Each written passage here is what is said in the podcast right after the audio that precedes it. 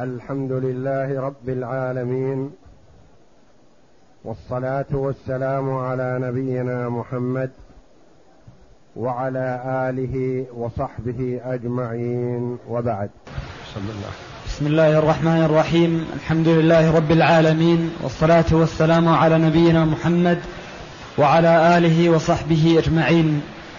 قال المؤلف رحمه الله تعالى فصل وإذا ملك بعض عبد فأعتقه في مرض موته أو دبره فعتق بموته وكان ثلث ماله يفي بقيمة حصة شريكه أعطي وكان كله حرا.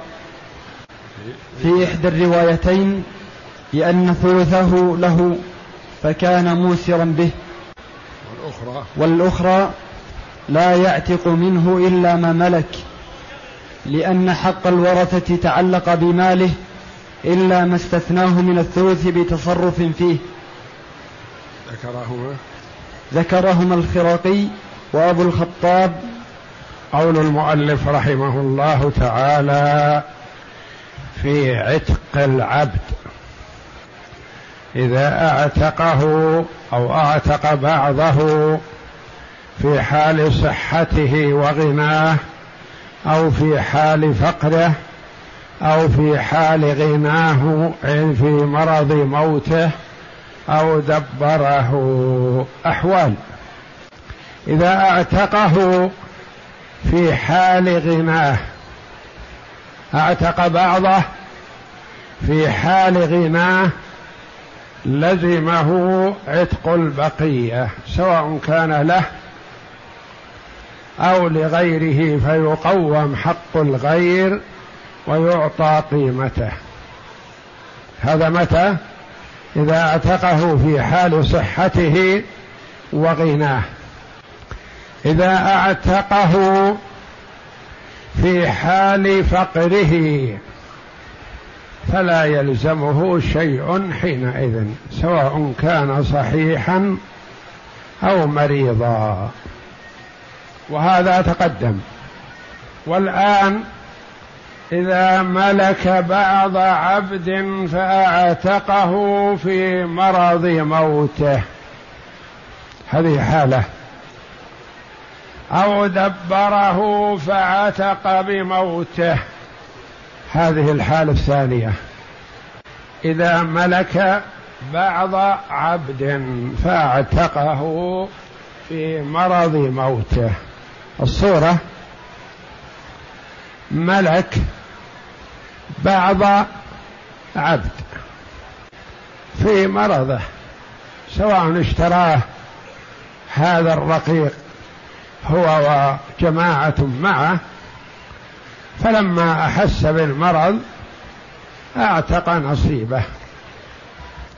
أو ورثه هو وجماعة له ربعه. له ثلثه فأعتق نصيبه متى؟ في مرض موته. الحالة الثانية ملك بعض عبد فدبره. إيش معنى دبره؟ يعني قال نصيبي حر عن دبري. يعني عند موتي. بعد موتي يكون حر. ملك هذا الرقيق أو ملك بعضه فقال نصيبي يكون حر إذا مت. هذا الدبر عن دبره. أو قال الآن نصيبي حر لوجه الله. هذه حالة. حالتان. فعتق بموته عتق بموته هذه في الحالة الثانية إذا دبره. دبره فمات فعتق ربعه أو ثلثه أو نصيبه أيا كان. وكان ثلث ماله يفي بقيمة حصة شريكه أعطي. وكان كله حر. أعتقه أعتق بعضه في مرض موته. فمات. نقول ننظر. ما نصيب الذي توفي وعتق قالوا نصيبه النصف. نقول كم ثلث هذا الذي أعتق ومات؟ كم ثلثه؟ قالوا ثلثه ثلاثون ألف. كم قيمة بقية العبد؟ قالوا قيمة بقية العبد ثلاثون ألف. نقول الحمد لله. ثلثه يكمل حرية هذا العابد فيعتق الرقيق كاملا. بعضه اعتقه في حال مرضه وبعضه يفي الثلث بقيمته فعتق العبد كله. هذه في حال العتق في مرض الموت. في حال التدبير دبره. قال نصيبي نصف هذا العبد حر لوجه الله عند موتي نقول نعم أحسنت. مات الرجل. أصبح نصفه حر. نقول كم ثلث هذا الذي مات؟ قالوا ثلثه ثلاثون ألف. نقول كم قيمة بقية هذا العبد؟ قالوا قيمة بقيته ثلاثون ألف. نقول يعطى الشريك هذه الثلاثين الألف ويعتق العبد كله. لأن الرجل يملك ثلثه فما أخذنا من حق الورثة شيء. فهو ثلثه ملك له نقول يصرف في بقية قيمة العبد فيعتق العبد كله. هذه صورتان انتبه لها. صورة العتق في المرض والصورة الثانية التدبير. يعتق بعد الموت. وكان ثلث ماله يفي ببقية بقيمة حصة الشريك. أعطي وكان كله حرا في إحدى الروايتين. في إحدى الروايتين. روايتان عن الإمام أحمد. الرواية الأولى هذه. الرواية الثانية لا تختلف عنها. قال لما التعليل؟ يقول لأن ثلثه له. فكان موسرا به بقيمة العبد. موسر بقيمة العبد بثلثه لأن ثلثه له. والأخرى لا يعتق منه إلا ما ملك. الرواية الأخرى تقول لا يعتق من هذا العبد إلا ما أعتقه أو دبره فقط. لما يرحمكم الله؟ قالوا لأنه بموته انتقل المال عنه. ليس له مال لا ثلث ولا غيره. المال انتقل للوارث. والأخرى لا يعتق منه إلا ما ملك الذي هو الحصة المملوكة له قبل موته. لأن حق الورثة تعلق بماله وهو ما أخرج ثلثه حتى نقول يخرج الثلث ما له شيء. فمن خروج روحه صار المال للورثة ما له لا صغير ولا كبير. لا قليل ولا كثير. المال أصبح للورثة فكيف نأخذ من مال الورثة؟ قيمة العبد واضحة؟ لأن حق الورثة تعلق بماله إلا ما استثناه من الثلث. لو استثنى صح لكن ما استثنى. ما قال لي ثلث يصرف في بقية قيمة العبد أو لي ثلث وسكت. قلنا له شيء لكن ما دام ما أوصى بشيء فليس له إلا ما أعتق. وما لم يعتقه هو رقيق لزيد أو عمرو. فكيف نلزم الورثة؟ وفيهم النساء وفيهم الأطفال نقول يلزمكم قيمة العبد. يقول ما يلزمنا نحن أحق بالمال من العبد ومن غيره. لأن حق الورثة تعلق بماله. إلا ما استثناه من الثلث بتصرفه فيه. لو استثنى الثلث أو شيئا من الثلث له حق. لكن ما دام ما استثنى فليس له شيء. مثل هذا لو مات بلا وصية هل يلزم أن يخرج له ثلث؟ لا. هو ترك نفسه ما خرج شيء. ما رغب. وقد يكون مأجور إذا لم يوصي ماله قليل. وخلف أولاد صغار فقراء. وقال أولادي أحق من غيرهم بمالي وثلثي. ما أوصى بشيء. لأن حق الورثة يتعلق بماله إلا ما استثناه من الثلث.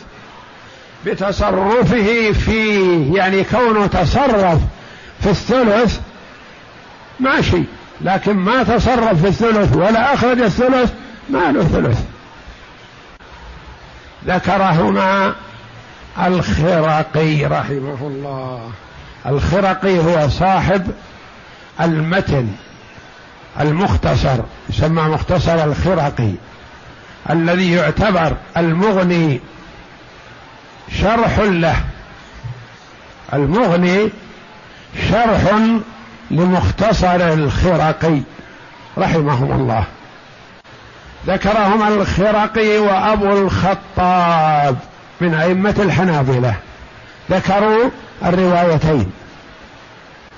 قال الخرقي وكذلك الحكم إذا دبر بعضه وهو مالك لكله لأن ملكه يزول عما سوى المعتق. قال الخرقي وكذلك الحكم. إذا دبر بعضه وهو مالك لكله لأن ملكه يزول عما سوى المعتق. الخرقي يأخذ بالرواية الثانية في حالة التدبير. وقال القاضي أبو يعلى رحمه الله من أئمة الحنابلة غير القاضي عياض. قاضي عياض غالبا حينما يذكر مع شراح الأحاديث والقاضي أبو يعلى من أئمة الحنابلة. وقال القاضي إن أعتقه في مرض موته وهو موسر عتق جميعه. لأنه أعتقه وهو موسر بثمن جميعه فدخل في الخبر.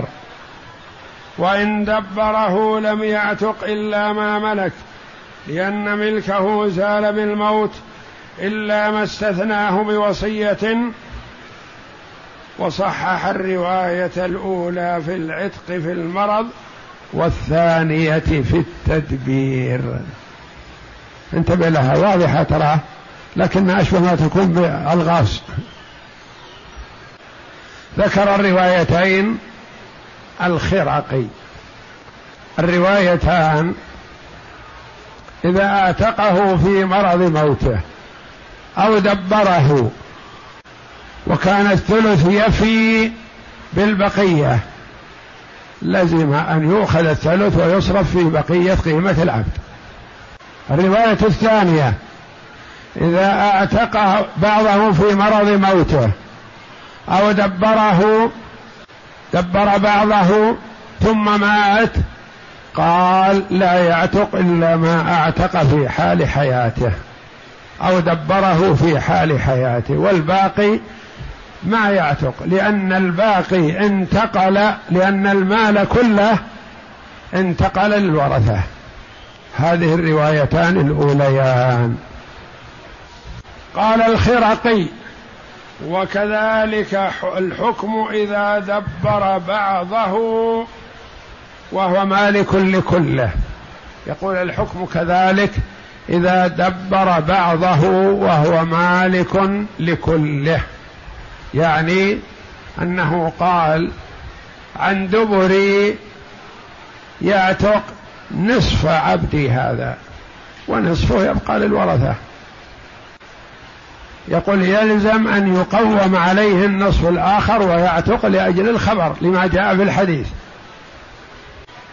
قال الخرقي وكذلك الحكم إذا دبر بعضه وهو مالك لكله لأن ملكه يزول عما سوى المعتق.